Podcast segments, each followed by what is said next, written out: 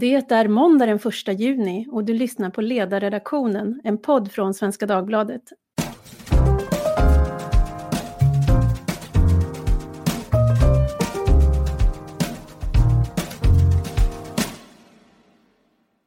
Jag heter Tove Livendal och idag ska vi tala om svensk självbild och förekomsten av patriotism och nationalism. Begrepp som med jämna mellanrum skapar både vånda och debatt, även om, tror jag, det är mer känsligt i den offentliga debatten än hos gemene man. Själv har jag ju med förtjusning grottat in mig i den nationalistiska naven många gånger för att det är en sån underbart känslosam diskussion full av dolda smärtpunkter. Och det vi ser nu är att diskussionen om svensk strategi och de åtgärder som vidtas för att bekämpa corona ofrånkomligen också blir en fråga om i vilken utsträckning den skiljer sig, negativt eller positivt, från andra länders. Och då inte ett antropologiskt åh, så intressant, tänk vad man kan göra olika, utan mer åt det normativa hållet som i bättre eller sämre. 1988 lät Jan Troell i filmen Sagolandet den amerikanske psykologen Rollo May fiktivt lägga Sverige i terapisoffan. Omdömet blev, om man ska sammanfatta, att vi var ett land så fångat i jakten på ordning och effektivitet att vi helt tappat vår förmåga till kreativ och spontan glädje. Och nu, 32 år senare, ska vi undersöka patienten igen. Hur står det egentligen till med vår självkännedom, självbild och känsla för vårt land i coronans tid? Med mig för att vrida och vända på detta har jag inga mindre än Katarina Barling, docent i statsvetenskap och verksam vid Institutet för personal och företagsutveckling vid Uppsala universitet. Kolumnist här på ledarsidan i Svenska Dagbladet. Välkommen! Tack så mycket! Här har jag också Gina Gustafsson, docent i statsvetenskap också vid Uppsala universitet och under de senaste åren involverad i ett tvärvetenskapligt forskningsprojekt om liberal nationalism som idé och psykologisk praktik och även nybliven kolumnist i Dagens Nyheter. Välkommen! Tack! Och med mig har jag också Lars Åberg, journalist, återkommande gästskribent på vår ledarsida och författare till flera böcker om svensk själslig läggning och samhällsliv. Och där vill jag särskilt nämna den näst senaste utgivningen från 2018 landet där vad som helst kan hända, för det är en rubrik som varje dag gör sig påmind. Välkommen! Hej, tack! Katarina, du skrev för ett par veckor sedan en kolumn om den svenska överlägsenheten och så vitt jag förstod blev reaktionerna övermåttan. Kan du beskriva närmare vad din tes är och om de som hörde av sig stärkte eller försvagade dina argument? Ja, alltså grundtesen var väl den här att det finns en spänning i den svenska både kulturen och självbilden.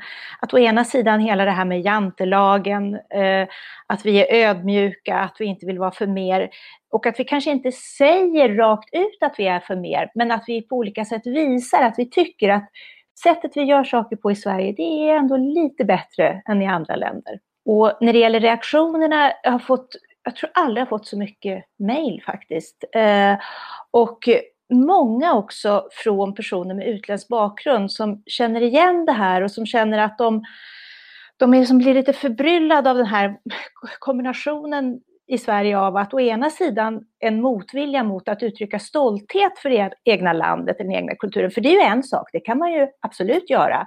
Men å andra sidan det här att på något vis, samtidigt som man inte vill uttrycka att man är stolt över Sverige, samtidigt förmedla på olika sätt att vi är ändå lite bättre här i Sverige. Gina, du skrev nyligen i Washington Post om svenskarnas okritiska patriotism nu i coronakrisen. Hur skulle du säga att den yttrar sig? Ja, alltså först vill jag säga att eh, Katarinas tes tror jag är väldigt central därför att vi har ju lyckats lura både världen och oss själva till att tro att vi är minsann inga patrioter. Eh, och detta stämmer alltså absolut inte för att om vi använder patriotism som ett eh, paraplybegrepp för alla slags känslor av stolthet och kärlek och även självförhärligande i relation till landet, det egna landet, så är svenskarna mycket patriotiska. Vi ligger närmare då USA i attitydundersökningar än till exempel Nederländerna i frågor om stolthet. Och för det första då, det du frågar om okritisk patriotism, eh, som jag skrev i den här artikeln då i Washington Post så, så leder vi svenskarna faktiskt ligan i att vara okritiska mot eh, vårt eget land. Eh, om man tittar på surveyfrågan, skulle världen bli ett bättre ställe om fler svenskar erkände Sveriges tillkortakommanden? Så har vi i Sverige lägst andel människor som håller med om detta. Lägre då än i 32 andra länder som är med i samma undersökning, inklusive Ryssland och Ungern. Alltså bara 6 procent i Sverige håller med starkt om att ja, Sverige, eh, världen skulle bli bättre om Sverige erkände mer av sina problem. Eh, och 30 procent håller med fast inte starkt. Och det placerar oss alltså lägst ner då på en kritisk eh, eh patriotism. Um, men sen för det andra då så är svenskar också mycket, mycket stolta över sin nationalitet. Över 90 procent är eh, väldigt eh, eller vanligt stolta över att vara svenskar och det eh, innebär ju då att nästan alla är det helt enkelt. Och det här är en del av förklaringen till varför vi har så hög tillit menar jag, för enligt min senaste forskning så är det just nationell stolthet som leder till hög tillit för just myndigheter och regeringen. Men intressant nog inte alltid till tillit till andra människor. Eh, och sen för det tredje så är det intressant att eh, lyfta fram vad det är som vi är så stolta över då. Eh, för att eh, eh det är inte som i USA eh, armén eller historien, inte alls. Eh, utan de två saker som svenskar är mest stolta över med Sverige är för det första vår teknologi och vår forskning och för det andra vår svenska demokrati. Och det här tror jag är väldigt viktigt Eh, i diskussioner av eh, den svenska coronastrategin för att vi har ju fått ett narrativ här rätt tidigt redan i debatten där den svenska coronamodellen har förknippats med att vara forskningsbaserad och att vara det demokratiska svaret här. Vi stänger minsann inte ner vårt samhälle och, och, och, drar in folks rörelsefrihet och sånt där. Och det tror jag har aktiverat eh, den här starka patriotismen som ändå finns latent hela tiden och som ibland kan ha väldigt positiva eh, sociala utfall, men som i det här fallet menar jag då har eh, mycket mer eh, problematiska eh, effekter i den här debatten. Då. Man kan ju också tänka sig att det förstärks av en önskan att vi verkligen ska göra rätt, därför att alla vill ju att den strategi som tillämpas, även om det inte har varit enkelt att se alla konturer av den, ändå ska fungera. Så jag tänker att det kan vara en ge en förstärkande effekt till detta. Ja visst, och sen det som förstärker det ännu mer är ju att det har blivit en slags landskamp, en eh, ovärdig fotbollsmatch nästan. Och då är det inte ens eh, mellan Sverige och alla andra länder individuellt, utan det är ju Sverige kontra resten av världen, eftersom vi i princip har varit ensamma i över två månader i att ha valt en annan väg. Och det här att tävla med andra länder, det är någonting som vi vet från forskningen triggar en mycket mer chauvinistisk patriotism, alltså den här Giesecke-patriotismen, att vi är bättre än andra. Och också vårt folk skulle vara bättre än andra, att vi skulle vara mer eh, tillitsfulla och mer eh, eh, mer lugna och rationella och, och, och, så vidare. Jag tänkte på, apropå mätningar, man brukar ju ofta lyfta fram när vi diskuterar Sverige i världen så är ju den här World Value Survey och där har ju Sverige en extrem placering. Vi är ju ensamma där också. Och då undrar jag, är det liksom, är det, är det en höna eller ett ägg? Eller hur ska man, ska man förstå det här något helt annorlunda? Hänger det här ihop med det vi ser nu, att vi, vi vet att vi är på en extrem plats? Det där i World Value Survey har ju mer med innehållet i den nationella identiteten att göra. Jag har ju skrivit om det här i relation till Pippi Långstrump och då har jag menat att, att en, en viktig innehållslig faktor här i vår nationella identitet är det här att vi vill att staten ska befria oss ifrån beroende av våra närmaste. Och därför menar jag då eh, är vi så otroligt obenägna att vilja stänga ner staten och samhället överlag. Vi vill eh, inte bli satta hemma karantän tillsammans med våra närmaste och vara beroende av våra grannar och så. Så det tror jag eh, har spelat in helt klart. Men huruvida det här att vi ser oss själva som extrema spelar roll, det vet jag inte riktigt. Undrar, ser ni några tecken på att den svenska självbilden förändras och i så fall av, av vad? vad? Vad beror det på i så fall? Jag tycker att den svenska självbilden är, är ganska motsägelsefull. Att den å ena sidan eh, kännetecknas av någon slags hybris Eh, men att den paras med eh, en form av självutplåning eh, och att Sverige fortfarande på något sätt är speciellt genom sin ovilja att låtsas om att landet är speciellt. Jag har tänkt på det här med exceptionalismen. Jag har skrivit en del om den amerikanska exceptionalismen som ju då, som Gina sa, har ett annat innehåll och en annan bakgrund. Men om man jämför med det amerikanska och den här upplevelsen av att det landet är någon slags fyrbåk i, i världen då, så har ju Sverige i modern tid efter andra världskriget eh, försökt inta en, en, liknande position fast med andra förtecken och eh, vi såg oss som världens modernaste land med forskning och så vidare. Vi var också världens schysstaste land på något sätt. Vi, vi, vi engagerade oss väldigt tidigt i FN, vi satsade på biståndspolitik och så vidare och skulle föra ut eh, de bästa idéerna som fanns i det svenska samhället i resten av världen. Och på något sätt så när eh, det svenska samhället uppfattades som färdigbyggt någon gång i, kanske i slutet på 60-talet, början på 70-talet, så utvidgade vi då den här biståndspolitiken för att sprida eh, den här schystheten i resten av världen. Eh, och det som då gör att det blir lite paradoxalt är att saker som vi då förde ut, till exempel tankar om att eh, om jämställdhet, om att kvinnornas situation skulle förbättras, man, hade, eh, man skulle inte föda så många barn och så vidare. Den typen av tankar eh, uttalar vi inte lika högt när människor från biståndsländerna sen kommer till Sverige. Då har vi plötsligt inte så många goda idéer att bidra med utan då är vi väldigt försiktiga med att tala om att i det här landet gör vi på det här sättet. Och det manifesteras kanske tydligast i, eh, i, i den eviga språkdiskussionen där vi fortfarande på något konstigt sätt tycker att det är bättre nästan att människor går i 30 år med tolkhjälp hellre än att Eh, lära sig svenska och bli en del av det svenska samhället.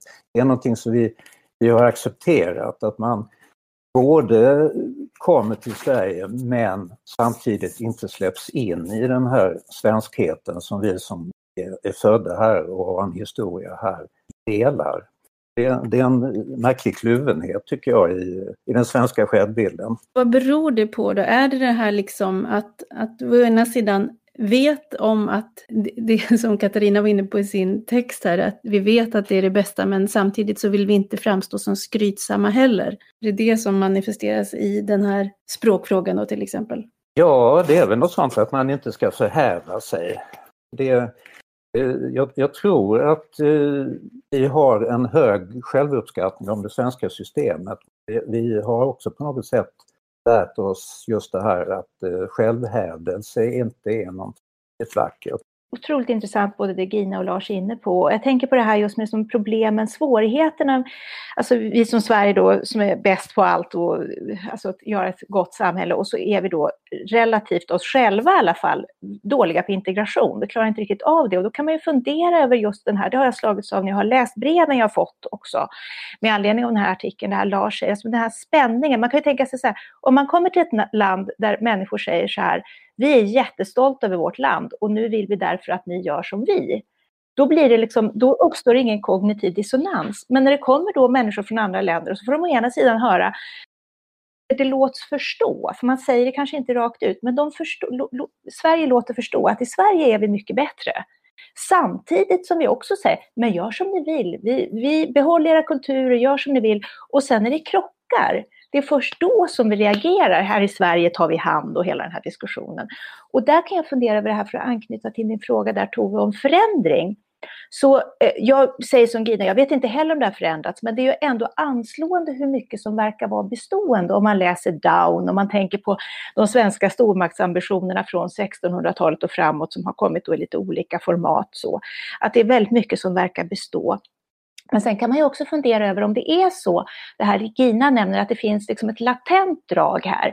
Men för det mesta så märker vi inte det där. Men så uppstår olika typer av sociala processer som framkallar det här, som blir en sorts katalysator. Det kan vara till exempel att det kommer stora grupper invandrare till Sverige, men det kan också vara som nu under våren, den här coronapandemin, där vi får referenspunkter som står, vi tvingas förhålla oss till andra eh, på ett annat sätt. Och det är först då vi kanske, det här kommer upp till ytan, det här som annars ligger där latent under ytan.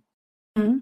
För den här frågan då, får man vara stolt över Sverige? Den, den fick ju ett svar 2016 och det var väl också frågan som dök upp, blev väl just en sån där synlighet under hösten 2015 när Sverige kastades mellan ganska drastiska politiska positioner.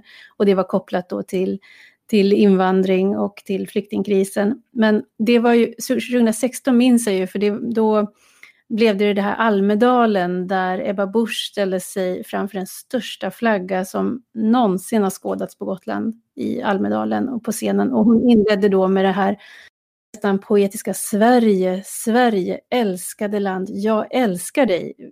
Och det är liksom den här tystnaden som bredde ut sig, chocken i hela landet. Och sen, väldigt osvenskt. ja, det var väldigt osvenskt. Och senare då under samma vecka så intervjuas Stefan Löfven under Almedalsveckan och han kallar sig för nationalist utan att blinka. Och det är ju ändå ett begrepp som ja, skys av många och, och liksom på begriplig grund för det kan liksom jag har av olika skäl dåliga, dålig klang då i många sammanhang och då finns det en del som säger att man bör hellre använda begreppet patriotism. Men Gina, du har ju argumenterat för att vi borde ha mer av en liberal nationalism. Vad är det? Ja, um, en liberal nationalism det bygger på idén om att vi har särskilda förpliktelser till våra landsmän, de som lever idag eh, speciellt och speciellt de som är svaga, att vi bör odla och att det är legitimt för en liberal att odla en nationell vi-känsla. Det är alltså inte nationalism i bemärkelsen att man ska eh, främja sitt lands intressen internationellt alltid eller att man inte ska vara internationalistisk och inte samarbeta internationellt utan, utan därför kan man ju kalla det patriotism om man då vill eh, undvika de konnotationerna det här med att mitt land för alla andra. Det är inte det det handlar om utan det handlar om det här att odla nationell vi-känsla.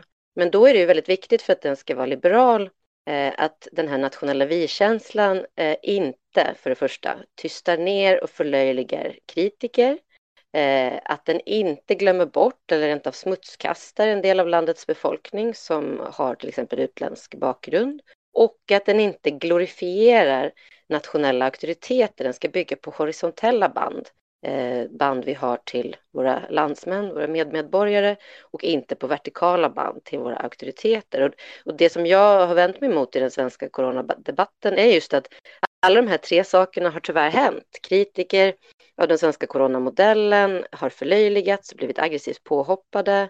Självgodheten har varit enorm. Nu börjar det ju ändras som tur är. Och samtidigt så har det växt fram en kult av Tegnell och Folkhälsomyndigheten som jag skulle kalla för en slags glorifiering av de som har kommit att bli våra nationella auktoriteter just nu. Och det som jag tycker är allra mest eh, frapperande för mig, det är just att det har kommit att bli någon slags vedertagen sanning utan att jag någonsin sett belägg för det, att det är invandrare som inte kan språket tillräckligt bra som skulle ha spritt smittan inom äldrevården genom att inte ha följt rekommendationer på grund av sina språkproblem. Och då tycker jag det har skett en eh, vansklig sammanblandning då av det som vi absolut kan diskutera som Katarina och Lars pratar om. Eh, behovet av att vi odlar ett gemensamt språk och att invandrare integreras i vårt språk. Och, och för övrigt är det det som eh, både i Sverige och en massa andra länder är det som slår väldigt, väldigt högt när man frågar vad krävs för att vara svensk egentligen eller britt egentligen eller fransman. Och då, då är det, det är ingenting som där Sverige sticker ut utan där tycker majoriteten i de flesta länder att ja, men det krävs att man talar språket. Men det som har hänt nu, eh, som jag sett, inte minst Giesecke säga, men även andra, är ju det här att eh, man tänker sig att smittan då delvis har spritts av, av invandrare som inte kan språket. Eh, och det har förvånat mig att de som annars är väldigt snabba att rycka ut till invandrares försvar inte har gjort det då. Eh, för jag tycker att det är oanständigt att skylla på invandrare i ett läge när vi vet att det finns en massa annat som potentiellt spelar stor roll och mig veterligen inte har belägg för att det skulle vara språksvårigheter som faktiskt har lett till något så grovt som att man inte har följt eh, rekommendationer. Um, så det här, så, så i mig så skär just den här um, den här coronadebatten därför att, därför att den, den går på tvärs mot just min liberala nationalism. För jag menar då att vår främsta lojalitet ska inte ligga med någon strategi eller någon modell eller något system eller med dess företrädare utan med de svenskar av kött och blod, inklusive invandrare, eh, som nu faktiskt har dött och kanske kommer att dö. Eh, så så det, det är det som eh, det är den liberala nationalismen som jag tycker vi har på ett sätt misslyckats med här och istället har vi odlat en coronachauvinism. Vad säger ni andra om det? Jag tycker väl att en förändring som man kan se är att eh, det har blivit mer individualistiska och kanske mindre benägna då att, eh, eller det har blivit otydligare vad som är eh, speciellt svenskt. Samtidigt så fortsätter vi att se oss som eh, exceptionella tror jag i ett internationellt sammanhang. Nej men eh, apropå det här med självgodhet så tycker jag att eh, det är ett, ett drag som man kan hitta hos det svenska och, och det är parat lite grann med en känsla av att vara blasé också. Att vi, vi har kommit så långt i vår utveckling att eh, i Sverige är det vi som vi står för det normala och det, vi står för det som alla egentligen skulle välja om de hade möjlighet. Eh, så att det svenska är ju i grunden, tror jag många tycker, någon slags eh, eh, global rikslikare, om man kan använda det begreppet. Ni vet att också att Sverige är det land i världen som har normalsaltat smör, fick jag lära mig. Just, just det. Vi kan nog komma på många exempel på detta. Samtidigt, vi, vi har ju varit väldigt bra på att samhällsplanera i, i Sverige men det har, det har vi på något sätt blivit sämre för. Då är ju, den här pandemin är ju ett bevis för det att eh, den beredskap som vi kanske trodde att vi hade, den existerar egentligen inte. Samtidigt har vi blivit mer benägna att eh, moralisera eh, både över andra värderingar i landet men kanske också över hur folk beter sig i andra länder. Och eh, den här individualismen som har växt sig starkare i Sverige och som, som det har talats om som, nästan som en målsättning också, statsindividualismen, att man byggde upp ett eh, tryggt och stabilt samhälle för att människor utveckla sig själva. Den har också lett bort ifrån den här samhällsgemenskapen och från eh, en, eh, en tillit till myndigheter och politiker. Och jag, jag, tycker att i början så var det frapperande hur få kritiska frågor som ställdes till Folkhälsomyndigheten och andra som uttalade sig om corona.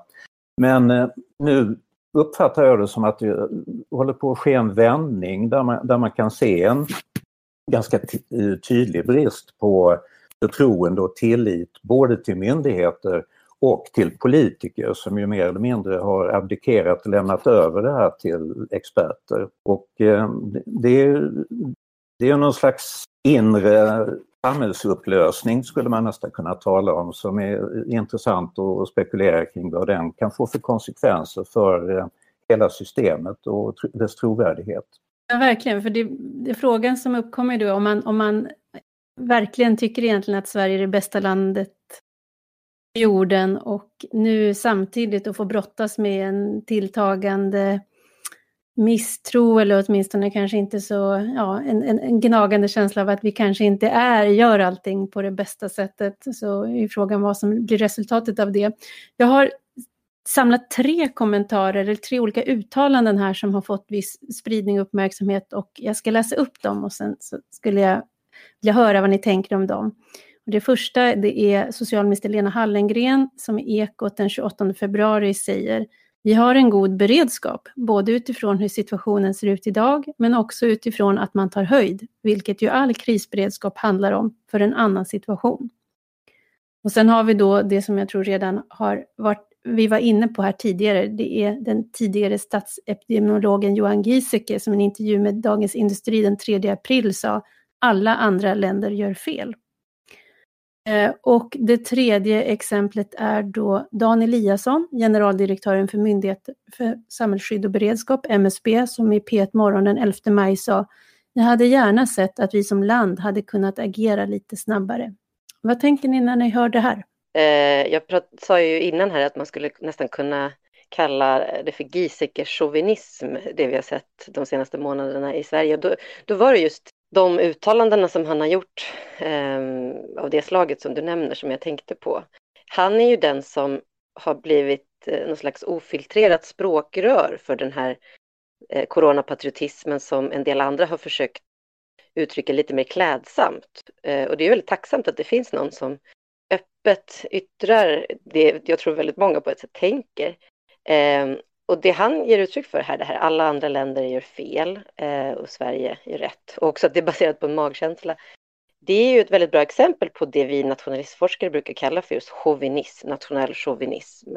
Och det, till skillnad från nationell stolthet och till skillnad från nationell samhörighet, har, vet vi, eh, attitydmässigt en massa negativa konsekvenser. Dels leder det eh, väldigt ofta till intolerans eh, och fördomar eh, mot minoriteter och eh, förr eller senare så tenderar det också att erodera tilliten.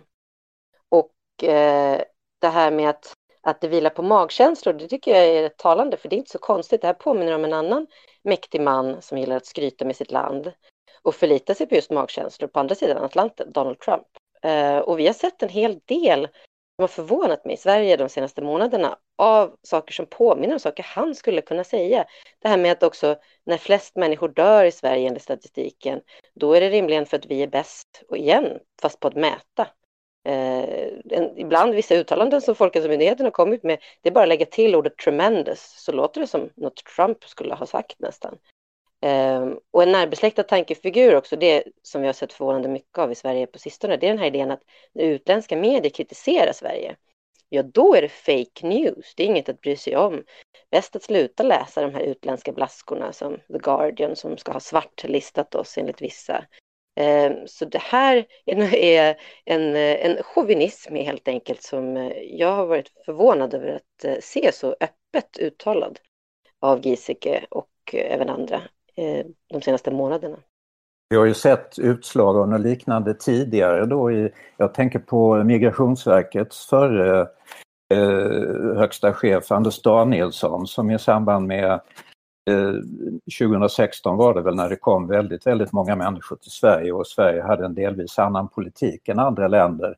Så sa han att eh, det är alla andra som är konstiga eller alla andra som är udda medan vi i Sverige då är, står för eh, normaliteten på något sätt. Det, det är lite grann samma attityd som, som Giesecke ger uttryck för här och att eh, alla andra länder har en opolitlig statistik. Eh, vi kan egentligen är det bara Sverige som, som baserar sin eh, hållning på eh, vetenskapligt belagd eh, information. Jag tycker det här som Gina och Lars är inne på är så intressant för det, det, det, det jag ville komma åt i min artikel det var ju det här med att som regel är ju inte det här så uttalat som i de här fallen. Utan det här är någonting som vi låter förstå att vi är bättre. Och det här är möjligen saker som vi normalt sett då skulle säga om någon, om, vi skulle kunna säga det här i sömnen, men vi skulle kanske inte säga det så rakt ut. Medan just det här att vi har de här exemplen, alltså corona, migrationskrisen, när saker och ting spetsas till, då är det på något vis att de här, det här som då ligger latent, som Gina var inne på, då provoceras det fram i form av den här typen av väldigt skarpa utsagor. Jag tänker också på det, det du refererar till den här undersökningen Gina om om, om världen blir ett bättre, en bättre plats om vi kan erkänna våra tillkortakommande. Vi har ju också haft politiskt mycket tydliga instruktioner. Jag tror det var Göran Persson som använde ordet brännmärka, vad han hade tänkt att han skulle göra med människor som talade illa om Sverige utomlands. Är det inte Löfven som uh, sa att man snackar inte skit om Sverige? Ja, han har följt traditionen, absolut. Utländska journalister har hört av sig till mig och frågat, men kan du förklara det här med att statsministern i Sverige bjuder in till presskonferens för utländska journalister, eh, som det var häromveckan, för att förklara vår coronastrategi som omvärlden då ska ha missförstått. Och så lyfter de fram, eh, precis som Lars var inne på, vår höga andel BNP som går i bistånd och, och, och försöker koppla det till att vi trots allt, vi fortsätter vilja vara en humanitär stormakt. Det verkar ju vara någon slags reflex där för att jag tänker på ett, ett mer lokalt e- exempel på det här att eh, medierna ger en felaktig bild. Det var, jag, har skrivit ganska mycket om Malmö och eh, eh, kommunstyrelsens ordförande där blev häromåret ganska ansatt utav utländska medier som kom till Malmö för att eh, beskriva de problem som finns i stan. Och det slutade med att hon eh, till slut eh, meddela att hon tänkte inte ställa upp på några intervjuer för utländska tidningar eftersom de bara skrev så negativt om Malmö. Det är lite grann samma eh, igelkottsmentalitet som... Eh... Mm, men det är väldigt otacksamt Lars om de blir inbjudna och sen belönar det genom att skriva ofördelaktiga saker. Man förstår. För jag har också fått mycket frågor från utländska journalister och det var en del i bakgrunden till att jag skrev det här för att jag kan faktiskt skämmas. Jag kan känna så här, här går, är det så att världen har en bild av att alla svenskar tycker att de är bättre än alla andra? Och, att, och, och, och jag tycker det där, det, det är jag inne på också, att jag tycker jag har märkt det där många, många år när man är utomlands, att, att man får frågan om, om Sverige och sådär. Och jag vill inte att människor i andra länder ska tro att alla svenskar går omkring och tycker att de är bättre än alla andra. Så jag försöker mota det där. Jag tycker det faktiskt är genant. Och det har varit väl, alltså jag har fått frågor av typen, det här Gina nämner, men också den här typen av frågor som, ja men vi har förstått att ni i Sverige är mycket bättre på att ta personligt ansvar än i andra länder. Kommer det sig? Det är det förstås inte. Eh, däremot har vi tillit till våra myndigheter och vi är lydiga, vilket man också pekar på, men det är verkligen inte så att lydnad och personligt ansvar alltid går hand i hand, det kan till och med vara tvärtom. Det här sättet att piska in eh, folk i ledet, det, det bidrar också till en uppfattning om att alla människor i ett land eller alla människor i, ett annat land eh, är likadana och tycker likadant. Vilket är, vilket är naturligtvis någonting som är väldigt destruktivt. Det som är roligt med det här med att piska in folk i ledet, det är ju att förra gången vi hade en sån här pandemi för ungefär tio år sedan, svininfluensan, då var det ju väldigt liknande mönster. Det var ju samma Karlsson och samma Tegnell och presskonferenser dagligen. Men det som piskades in då och det som man inte fick ifrågasätta då, det var ju att det, då var läget allvarligt och då skulle man vaccinera och man vaccinerade med Pandemrix som ledde till narkolepsi mm. och så vidare. Eh, så att det är ju inte själva innehållet i vår coronastrategi just nu som är typiskt svenskt, det här att nu är vi så frihetliga. Utan eh, det är ju det här att, att, eh, att alla ska köra samma linje och, och ve den som ifrågasätter. Nu ska jag vara djävulens advokat en stund där, därför att vi analyserar ju allihopa Sverige i vårt dagliga arbete och det finns en uppenbar risk, tänker jag, att vi som ständigt sitter och tycker om vårt land nu lägger fram sadeln och rider ut på kända käpphästar. Vi kan ju liksom använda krisen för att se det vi redan tycker att vi vet. Så nu vill jag veta, vad har förvånat er så här långt? Jag kan ju inleda med att det tog mig, jag tror det tog mig nästan två, tre veckor innan jag förstod att herregud, det här är ju det jag forskar om, nationalism. Eh, jag förstod inte först. Jag var, jag var chockerad och jag förstod inte hur kommer det sig att folk från vänster till höger, för så såg det ut Eh, till slutet på april ungefär, eh, sluter upp kring den svenska coronastrategin och varför säger folk som är typiska antinationalister att Tegnell är folksjälen förkroppsligad eller att de som kritiserar är hysteriska troll som pratar i versaler som medelhavs, man gör kring medelhavsländerna.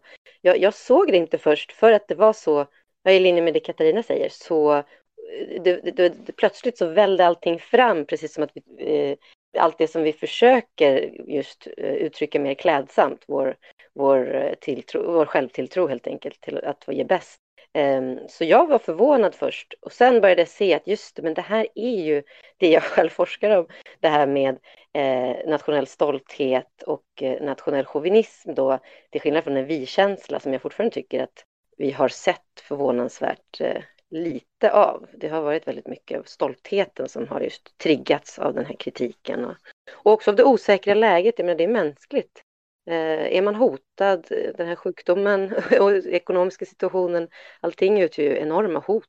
Och under hot och just tävling internationellt så blir nationell chauvinism och stolthet farliga saker. Det som i fredstid kan vara väldigt bra och som har hjälpt oss att bygga en välfärdsstat och så.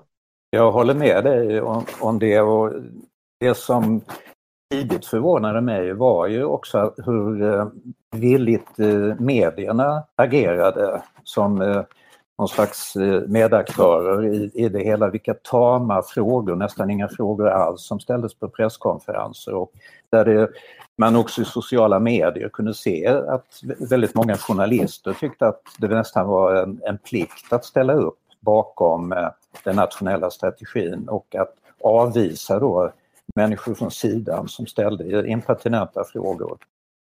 Jag tänker också det här, jag är, eftersom jag är så, apropå käpphästar Tove, kultur är ju min käpphäst. Jag, å ena sidan så är det ju det jag tror präglar oss hela tiden.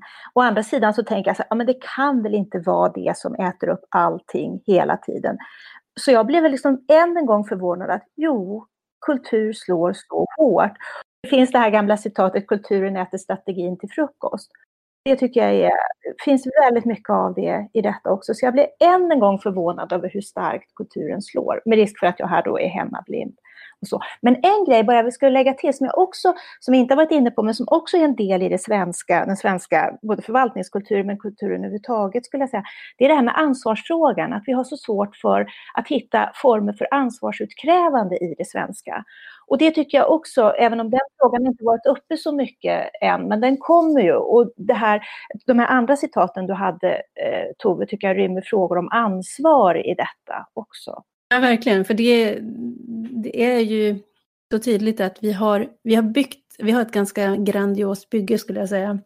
Man sitter och letar eh, vad som har gjorts och sagts så är det ju så att vi har, vi har vi har funderat på det här med pandemi. Vi har ju dels, som Gina påminde, så har vi ju varit med om det förut, men vi har också övat och tränat och diskuterat och det har gjorts scenarieträningar på olika håll och så. Och ändå så står vi nu här och är ändå påtagligt tafatta. Så att det här finns ju, det här, här finns det ett glapp mellan självbilden och vad som faktiskt händer. Men jag tänker utifrån er professionella roll nu, vad kommer att vara mest intressant att iaktta och följa framöver? Det får bli den avslutande frågan.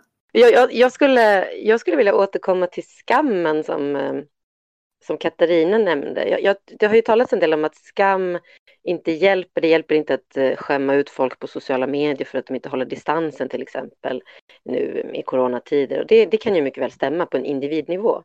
Men jag tycker att vi som, eh, som kultur och som land eh, bör eh, skämmas lite mer nu eh, för vad vi har gjort och, eh, och försöka eh, kritisera oss själva och, eh, och göra bättre ifrån oss helt enkelt.